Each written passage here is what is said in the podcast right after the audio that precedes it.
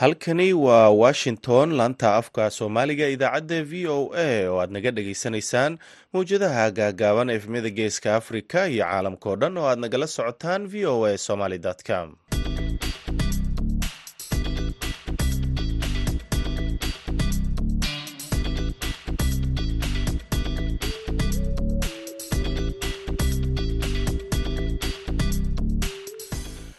duhur wanaagsan dhegaystayaal waa maalin jimco ah. Bisha juulayna waa siddeed iyo labaatan sannadka laba kun iyo saddex iyo labaatanka. Afrikada bari saacaddu waxay tilmaamaysaa kowdii iyo barkii duhurnimo. Idaacadda duhurnimo ee barnaamijka dhallinyarada maantana waxaa idinla socodsiinaya. Anigoo ah cabdulqaadir maxamed samakaab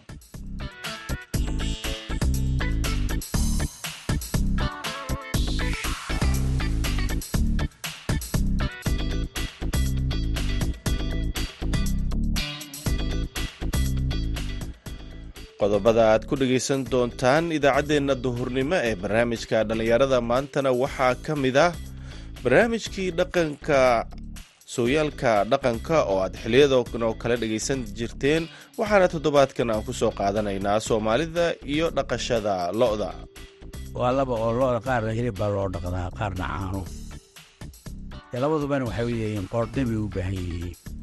Maanta adduunku wuu horumaray waa laga ilbaxay in dibi lagu sii daayo boqol saac oo layaha waxaad rabto samee soomaada reeran dibigaasu qaladaad badan buu samaynaya cudurradu fidiyaa.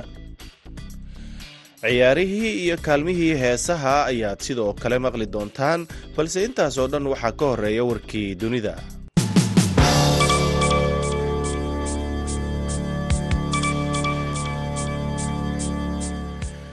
diyaarado dagaal ayaa saakay aroortii duqeeyey fariisin kooxda al-shabaab ay ku lahaayeen deegaan lagu magacaabo lebi aw xasan oo u dhexeeya hilowlagaab iyo ceel balcad oo hoos tagta degmada ruunergood deegaanka duqaynta ay ka dhacday ayaa ah dhul howd ah oo u dhexeeya gobollada shabeellaha dhexe iyo galgaduud.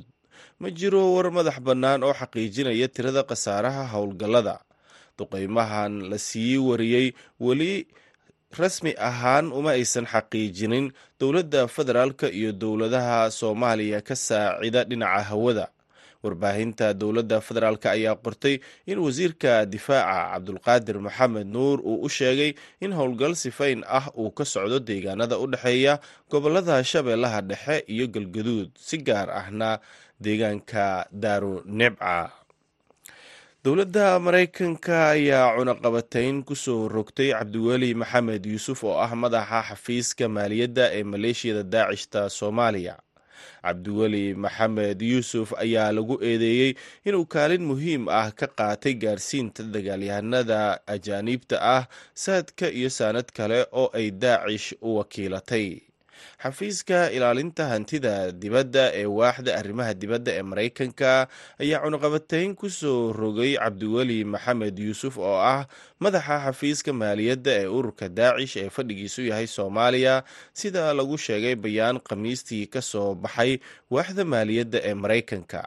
Qaybtii hore ee sanad dihii laba kun iyo labaatan laba kun iyo koob iyo labaatan daacishta soomaaliya ayaa qaaday lacago lagu qiyaasay afar dhibic shan milyan oo dollar taasoo ah lacago baad ah oo ay ka urursadeen ganacsiga iyo ganacsatada gudaha. Soo dejinta daaqsinka iyo beeraha sida ay sheegtay waaxda maaliyadda ee maraykanka tallaabadan ayaa maraykanka uu ku tilmaamay inay muujinayso taageerada washington ay u hayso saaxiibadeeda dadaalka ugu jira ka hortagga iyo maalgelinta argagixisada iyo xoojinta amniga qaranka ee gobolka ugu dambeyntiina madaxweynaha faransiiska emmanuel macron ayaa sheegay jimcada maanta ah in afgembigii awoodda looga xoogay madaxweynihii la doortay ee nejer uu halis ku yahay guud ahaan gobolka saaxil iyadoo quwadaha reer galbeedka ay dadaal ugu jiraan sidii ay u ilaalin lahaayeen xulufadooda gobolka ee la rafanaya dagaalada ay kula jiraan fallaagada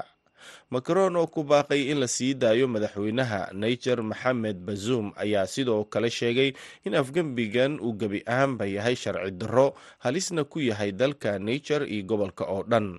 Bazuum ayaa waxaa xabsi guri ku haya ilaaladiisa gaarka ah oo ka tirsan ciidamada qalabka sida sida ay arbacadii sheegteen taliska ciidanka ee dalkaasi inay xukunka ka tuureen dowladda niger ayaa inta badan oo beesha caalamka waxay u arkaan derbiga ama gaashaanka ka dhanka ah fallaagada mintidiinta islaamiga ee dagaalada ka wada gobolka ay caqabadaha amni hareeyeen. Ciidamada faransiiska iyo kuwa qaramada midoobay ayaa sanadihii la soo dhaafay lagu qasbay inay ka baxaan dalka dariska la ah ee maali laakiin baariis ayaa weli kun iyo shan boqol oo askari ay ka joogaan niger xukunka tuurista maxamed bazuum ayaana shaki gelinaysa mustaqbalka howlgalladooda ee dalkaasi. Dhegeystayaal warkeennii dunidana waa nageynta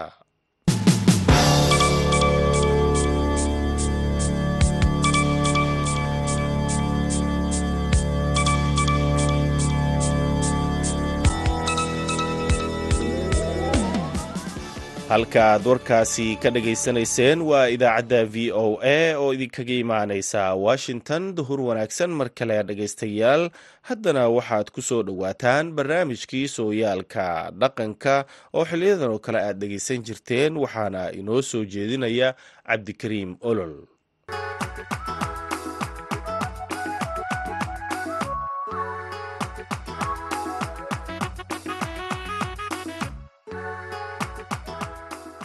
kulanti wacan oo wanaagsan dhegaystayaal ku soo dhowaada barnaamijkeennii sooyaalka dhaqanka oo toddobaadkan idinka imanaya magaalada laascanood ee xarunta gobolka sool. Toddobaadka barnaamijkeenna waxaa marti noogu aqoon-yahan khabiir jaamac aadan maxamed oo muddo afartan sanaa aqoon dheeraada u leh dhaqista xoolaha gaar ahaan lo-da. Jaamac ayaa waxa uu ka soo shaqeeyey wadamo kala duwan gaar ahaan wadanka sacuudi arabiya waxaanu ugu horeyn weydiin doonaa sida adduunyada looga dhaqdo xoolaha iyo dadka soomaaliyeed isagoona sharaxaad badan ka siin doona dadkayna dhegeysanaya barnaamijka suuyaalka dhaqanka gaar ahaan dadka doonaya inay xoolo dhaqatada dhanka beeraha iyo lo-da iyo waxsoo saarka ay ka sameeyaan talooyin noogu soo jeedin doona. Sidoo kalena ka warami doona waddamada ugu hodansan xagga lo-da iyo siyaabaha looga dhaqdo sidoo kale dhibaatooyinka dadka soomaaliyeed ee guud ahaan haysta ee noo sharaxi doona. Ugu horeyn ku soo dhowow barnaamijka suuyaalka dhaqanka v o a. Xoolo dhaqadku waxa weeyaan waxyaaba ka mid ah waxyaabaha la intifaacsado xooluhu ay ka mid yihiin ay beeruhu ka mid yihiin ay xooluhu ka mid yihiin macdantu ka mid tahay waxyaabaha biniaadanka uu noloshiisa uu ku taageero ayay ka mid yihiin. Xoola marka dhalinyarada hala dhaqanaa waxaa ka wanaagsan horta xoolihii in loo environmentka ku noolaan lahaayeen in loo dhaqo oo loo sameeyo biyo loo diyaariyo caws loo diyaariyo harhkii loo diyaariyo dugaaggii iyo bahalihii soo weerarayay laga ilaaliyo. Waxaasoo dhan ay ma garanaysaa waxyaabaha waa kaabaha dhaqitaanka xoolaha oo eego haddaan eego soomaalida sida wax u dhaqato iyo sida dadka kale adduunyadu wax u dhaqdaan waxaad arkaysaa nin reeda masalama reer baadiyaaba wax martiba u imanaysa. Marti markay u timaado sameyn baa loo qanayaa. Sameyntuna waa warshadii wanka dhalaysay. Waa sameyntii dhammayda warshada ahayd reerkuba ku noolaay uu kala soo baxayay marafacaadka wankii la qali maayo sameyntii baa la qalayaa. Waa ugu weynayna haysto weeyaan bay ka mid tahay oo aynan oqoonba waxa dib loo dhigo iyo waxa habeenkaa la qasho. Waxaa kaloo laba ah oo aynan oqoonin neefkii rimanaa iyo neefka gunanaa ayaa meel wax lagu wada siinayaa. Yana waa dhibaatadii weynoo taagan. Kii neefkii neefkii rimanaa oo sidkiisi soo dhawey wuxuu baahan yahay xanaano gaara u baahan yahay meel gaara in lagu ilaaliyo u baahan yahay in laga ilaaliyo inuu farhalaabo u baahan yahay wuxuu u baahan yahay ciidankeeda leeyahay in si gaara loogu hayo. Habka dhaqashada lo-da dadkeennu ay u dhaqdaan ogaalka iyo adduunyadu halka ay marayso sida loo dhaqdo balka waraado isbarbardhigay. Waxa weeyaan lo-da dhaqitaankeeda waa laba oo lo-da qaarna hilib baa loo dhaqdaa qaarna caano. Labadubana waxay leeyihiin qoordhe bay u baahan yihiin. Maanta adduunku wuu horumaray waa laga ilbaxay in dibi lagu sii daayo boqol saac oo la yihah waxaad rabto samee. Soomaada garan dibigaasu qaladaad badan buu sameynaya fidiyaa. Cudur waxaa laga yaabaa inuu loodaadii oo dhan ka dhigo madhaleys ka dhigaa suurtooda. Inuu sac cataa intuu ku boodo uu dhabarka ka jebiyaa suurtooda. Markuu miisaankuusa weynaado halis buu ku yahay. Halistu shaqaalihii looda dadkii lisayay looda ee looda maamulayay buu halis ku yahay markuu weynaado. Dibiganu nabadgelyadoodii marka waxaa la gaaray in dibiga inta meel lagu xidho shahwada laga maaro oo shahwadii dabeedna iyadoo diyaarsan looda lagu rimiyo rime gacmeed la yihahdo artificial insemination. Taasu waxay sahashay cudurkii badnaa ee uu demigu lada ku fidinayey waxay inta kaloo ka hortagtay dhibaatooyinkii uu demigu geysanayey oo dadka iyo loodaba u geysanayey waxay sahashay inaad adigu sacaaga lo'aadaado aad gaadhsiin karto inay boqol litir sic uu dhiiqo maalintii. Maantana haddaad eegto lada nugaal joogta saca ugu badiya ee idankeeda leeyahay idankeeda leeyahay bahashan bilada dahabka ay qoorta ugu xidhan tahay waa saca labada litir dhiiqa. Hadduu sidee qaalinta curatay hadday siddeed iyo labaatan litir dhiiqdo saddex bilood ee ugu horreeya lama dhaqo waa badho. Wixii ka sarreeyunbaa ayaa la rimin karaa haddii laba dhal yahayna shan iyo soddon litir baa ugu yar. Hadda laba dhalkii weeyaan saddex dhalkii afar dhalkii shan dhalkii lix dhalkii weeyaan shan iyo soddon litir hadduu ka yaraado caanihiisu maalintii soddon sagaashanka maalmood ugu horreeya laba riminayo waa badho marka taas waxa weeyaan sida caanaha loo kordhiyo. See lagu kordhinaya caanaha caanaha maaha qaalinta hooyadeed baa caanaha keenaysa. Waxaa keenaya inta badan waa demiga weeye bal ka waran qaabka loo dhaqdo khabiir ahaan maadaamaad muddo afartan sanaa ku jirtay xagga dhaqmaatiga iyo sida loo dhaqaaleeyo iyo wax soo saarka maxaa laga baran karayaa dadka soomaaliyeed ay ka baran karayaan? Waxa weye inaad inaad xoolaha la joogto inaad hadhkooda eegto inaad eegto meesha u hadhsanaya ma dulin ma leedahay.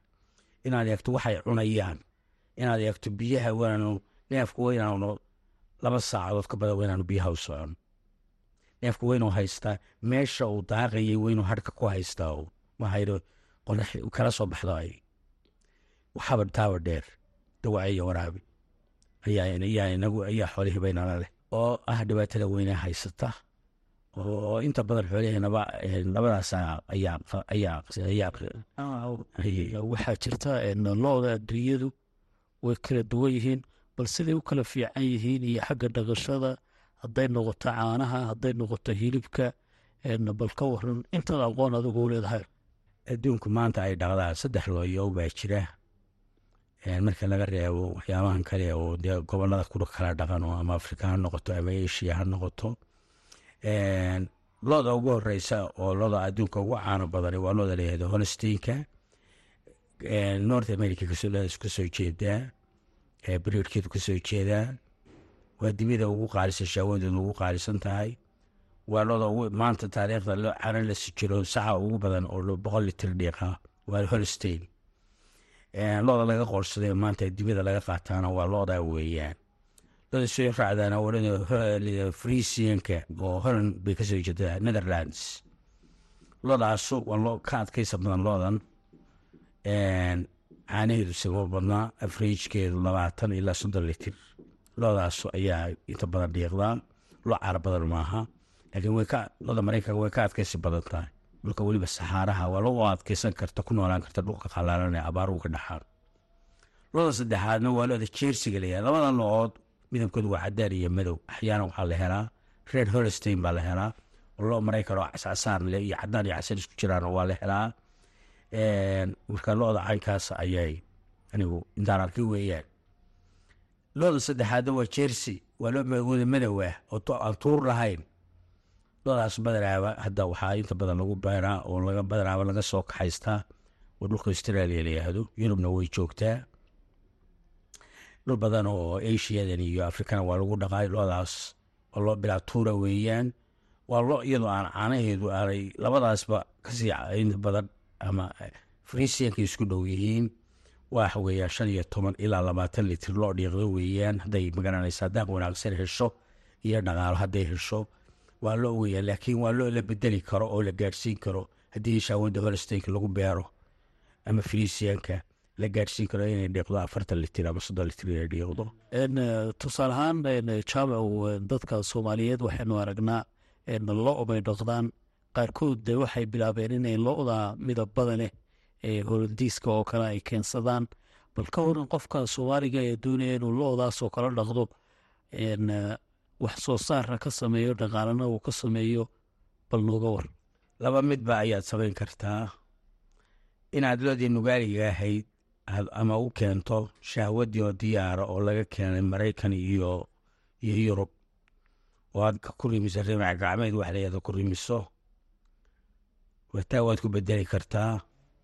Waa loodii nugaaliga ahayd waxaa lagu riminaya shahwad ama americana ama yurubiyana taa waa lagu bedeli karaa. Waxaa iska dhalanaya waxaa dhalanaya neefska dhala oo tropical climatekii ma garanaysaa iyo dhulkii abaarihii u adkeysanaya. Sac maraykan laga keenay maanta haddaad keento aad iminka aad keento aad keento. East africa ama geeska africa ma sahlan siduu ku noqdo oo caanihii ku dhiiqayo maraykan kuma dhiiqayo duruufo badan baa jira. Cawskii heli maayo cuntadii heli maayo biyii heli maayo jawigii iyo qabowga ku noolaa heli maayo uu ku dhashay. Marka waxa weeyaan taas waxa weeyaan in shaawad la keeno oo lagu rumiyo oo la bedelo iyo in la keeno dibi laga keenay ama holland ama laga keenay loodan jersiga ama holsteynta oo iyada nool nool dibidaana loo hayo loodan nugaaliga ahayd. Saana waa lagu bedeli kara liska badaayo. Dabiicigii loo noqdo. Waxaa kale oo la samayn karaa in la keeno looda lafteedii. Loodii laga soo iibsan looda waxay joogtaa hadda laga heli karaa. Uganda way joogtaa. Tanzania iyo kenya labadaba waa laga helaa dheer. Loodaas looda caynkaas waa lagu dhaqdaa etoobiya intay tahay meel iminka aan deganayn ma garanaysaa oo beeraa jira waxaa jira calaf la siiyo iyo caws ku habboon wax soo saarka lo-da iyo in ay caanaha badiso oo kale. Bal noocyada ugu fiican iyo sida lagu samayn karo iyo sida lagu beeri karo oo kale. Waxa weyaan adeer waxa weeyaan looda haddii aynu rabno inaynu horta waxay tidhaahdaa oo maamaabaa jirta loonayo waxa waxa digaagadu u baahan tahay bahashuna u baahan tahay. Neef kastoo xoolaahay wuxuu u baahan yahay inta aadan manfac ka helin inaad marka hore bal inaad isaga raali geliso aad dhergiso wuxuu u baahnaa dabeedna markaa manfacaad ka raadiso cawsku waxa weeyaan waa laba laba nooc cuntada ama aan cuntada xoolaha lase waa laba nooc. Mid waa tan ay cadka iyo caanaha ku samaynayso oo cunto laysku dardaray oo gabaldaya siirska midhaha gabaldayaha le cudbiga iniyihiisa le sareen le haruur le galey le dhir laysku dardaray oo inta laysku qalqalday baalyaro leeda concentrate bariyaado ayuu samaynayaa oo neefku burbursanayo calaashanayo. Waa taas wata neefka uu ku naaxayo weeyaan. Waxaa jira caws aan kaba dhicintaa oo neefka la siinayo gaar ahaan neefku markuu yahay dhaqayada yahay ama guran yahay la siinayo si uu qarashkan loo yareeyo la siinayo sacayrbaan cuntada la siinayo looga yareeyo. Cunto aanu si aanu u naaxin laakiin ku noolaan karo la siiyo. Cawska waxaa la yidhahdaa alfa alfa af xarbeedka barsiin baa lagu yidhaahdaa. Halka kan adigu wax kale af kale caws ka baxa maa waa caws. America iyo waxaa iminka ugu badan waxaa laga keenay brazil argentiin sbanishka iyo australia waddamada masaaxada weyn leh ee dhulka aan qabowga ahayna wadamadaas cawska lagu beraa maraakiin baa keenta. Saddexda beerood adduunka ugu weyn oo ay ku nool yihiin saddex boqol oo kun oo saac. Waa sacuudi arabiya. Cawska ay cunaan sacuudi arabiya ramaas kama baxo. Ramaas kama baxo. Waa dhul batrool weeyaan waa cid gubatay. Biyana male waxay loodaas ku nooshahay boqolka litir dhiiqaysaa waa cunto. Cawskaas cawska waa la soo iibiya waa la keenaa isagoo qalalan wuxuu la mid yahay. Uu ka faa'iidabay markuu geelahaysa uu ka faa'iidaday dadka doonaya inay lo-da dhaqdaan ee deegaanada soomaaliyeed jooga qaarna aad sheekooyinkooda haysid qaarna aad la kulantay. Dhibaatada haysataa maxayta meeshu mar haddaanay ahayn meel beeralaya oo dadku uu iska gaal dhaqato uu yahay beeraley ma noqon karo. Oo loo bedelo xool dhaqato beeraley marka anigu waxaan isleedahay haddii markaan anigu eegay dadkan dhibaatada haysta waxa weeyaan xoolihii ma haystaan cunto waxaa loo baahan yahay ninku markuu rabo inuu beeraley noqdo waa inuu xoolaha inu raacaa waynu raacaa waynu ka dhaliyaa waynu ka orgoonaya og yahay waynu ka dhimanaya og yahay ka buka weynuu og yahay waynu mid walba la socdaa waynu ogyahay bishan inta lexaad ee u dhalaysa waynu yaqaana maba yaqaaniina qorsheynta dhaqashada lo-da waa hab nooceeya oo sanadka soo socda kuwa hadda dhalaya kuwa dhali doona kuwaan awoodu lahayn oo kale inay xerada sii joogaan sidee loo qorsheeya adduunyada iyo dadka soomaaliyeed ee xoolaha iyagu dhaqan jiri waxay ku kala duwan yihiin. Waxa weeyaan adeer waxa waxaa jirta barnaamij xoolaha loo kordhiyaa jira. Xoolaha sida loo kordhiyaana waxaaba inaga khaldanba innaga marka hore waxaad arkaysaa awr boqol halaad ku jira. Misuu riman karaa awrku waxaa laga yaabaa maanta toban halaad inay rabaan inay rimaan maanta. Tobankaa halaad hal awra ayay sugayaan geela ku dhex jira. Awrkaasuna ma awr kale inuu xerada soo dhex galo ma ogolo waad ogtahay waxaweye xawaandi weeye awrka qooqani. Marka taas miisaan waxaan ugu soo qaatay waxa weeyaan ninku markuu wax dhaqanayo waa inuu u diyaar garoobaa. Waa inuu horta tagaan dhulka xoolaha lagu dhaqdo waa inay tagaan oo siyaaro u tagaan intay israacaan waa inay hay'ada ka saacida sida wax loo dhaqdo waa inay u yeedhaan. Hay'adaha waa aha inay ka qaataan lacag iyo yahda waxbaan ku qabanaynayo jaga gashadaa waa inay hay'ada ay u yeedhaan ka saacida sida xoolahan loo beero sida cawska loo beero siiriska u keena. Khasaaraha ugu weyn waxa weeye marka ay ku dhasho masalanba toban sac tobankaa sac ma wada lisi kartid caana kama saari kartid. Mashiin buu baahayay neefkii lagu rimiyo in lagu liso maxaa keenay in la yidhahdo sacaka neefkiisi waa dhintay muxuu gurayaa marka hore yaa u ogolaaday inuu neefkan saca naaskan uu neefku jaqo neefkan waa dambarka lagu siiya nasaasad sacana mashiinka la geliyaa dambarka lagaga lisaa weligiiba kaaga baahan maayo neefba. Le beere xoolo dhaqato beeraleyn baanu nahay. Magaalada noo soo qaatay doonta waxaa leeyahay isu noqon maysaa kala daayay inaad beeraleyn noqoto yaa inaad fadhi ku dirirka aad tiimka ka qayb gasho fadhi ku dirirka labadaa mid ninka ay weynu beeraley noqdaa xoolaha la seexdaa dhex seexdaa oo shilinta ka guraa oo biyaha u sahlaa oo waraabaha ka ilaaliyaa oo kaidankeeda leeyahay ka yar ilaaliya xerada ku dhalanaya ka foolanaya waa inaanu xerada ku dhexdhalin meel gaara oo loo diyaariya uu ku dharo lo-da dalka joogta sidee bay caana ku yeelan kartaa? Sidee lagu dhaqan karayaa deegaanada soomaalida meelaha dhulka soomaaliyeed lo'odeebaad is leedahay way ugu wanaagsan tahay. Loo baa jirta koonfurta lagu beeray oo dowladdii ugu dambeysay soomaaliya. Loo ay ku beertay baa jira wadanka gobolka banaadir afkooye eeriyadeeda loodaa waxaan u waxbaa ka jira dhulka. Haddii la baadho oo la raadiyo loo baa ka jirta. Ayaa waxbaa ka nool siirkeedii. Waa loodan laga keeno maraykan iyo holland laga keeno bay ahayd. Cadaankii madowgaa ee biratuurta ah. Ama holsteinle ama frisiande loodaa haddii la helayo taa waxaabaan u malaynayaa de kama sahlane adigoo kenya tago baa laga yaabaa inaad ka heli karto kenya iyo xuduudaheeda barnaamijkeenii sooyaalka dhaqanka gabagabadiisa annagoo ku jira talada gudahaan dadka soomaaliyeed ee ku dhegeysanaya jaamacow maadaama muddo afartan sana aada xoolaha dhaqaysay weliba gaar ahaan lo-da maxay ta waxaan anigu tala soo jeedinayaa inaynu laba maado kala saarno haddaynu soomaali nahay. Animal veterinarian faculty iyo animal production. Innagoo xoolo dhaqataa baynu waxaynan kala oqoon caafimaadka xoolaha iyo xoolo dhaqatadeenan kala oqoon nin doctora baynu nahnaa kaalayo kaalayo xoolaha nambar sida loo dhaqo. So ninkan waxaa la baray neefka buka inuu ku daweeyo marka waxa weeyaan haddii uu noqoto markaa waxaan leeyahay qolyaha jaamacadaha war mujtamaca aad ka shaqaysanaysaan waa xoolo dhaqatee xoolo dhaqatada u fura facultiska u fura waxaa la baro carruurta sida xoolaha loo dhaqdo. Ilaan cilmihii warshadooda u shaqa tegi maayo. Beerna u shaqa tegi maayo. Waa inuu ka tagaa gurigiisa iyo dabeedna magafe u tagaa ama badda bahalku qarish ku cunaa. Ila fadhihi maayo markuu ka baxo jaamacad. Meel wada degaan wixii isku danihiba ay meel wada degaan oo ay raadsadaan dabeedna ay qayladaanisaan oo ceelkii loo qodo. Dhegeystayaal waxaa intaas inoogu eg barnaamijkeeni sooyaalka dhaqanka oo toddobaadkan idinka imanaya magaalada laascaanood toddobaadka waxaa marti noogu ahaa jaamac aadan maxamed oo muddo afartan sana ah isagoo lo-da ku dhaqan jiray waddanka sacuudi arabiya. Dhammaantay waxaan idinkaga tegaynaa sidaasii nabadgelyo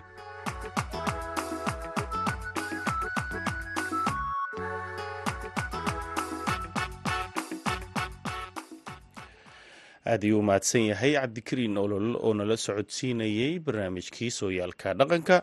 Markana dhegaystayaal waxaad ku soo dhowaataan kaalmihii heesaha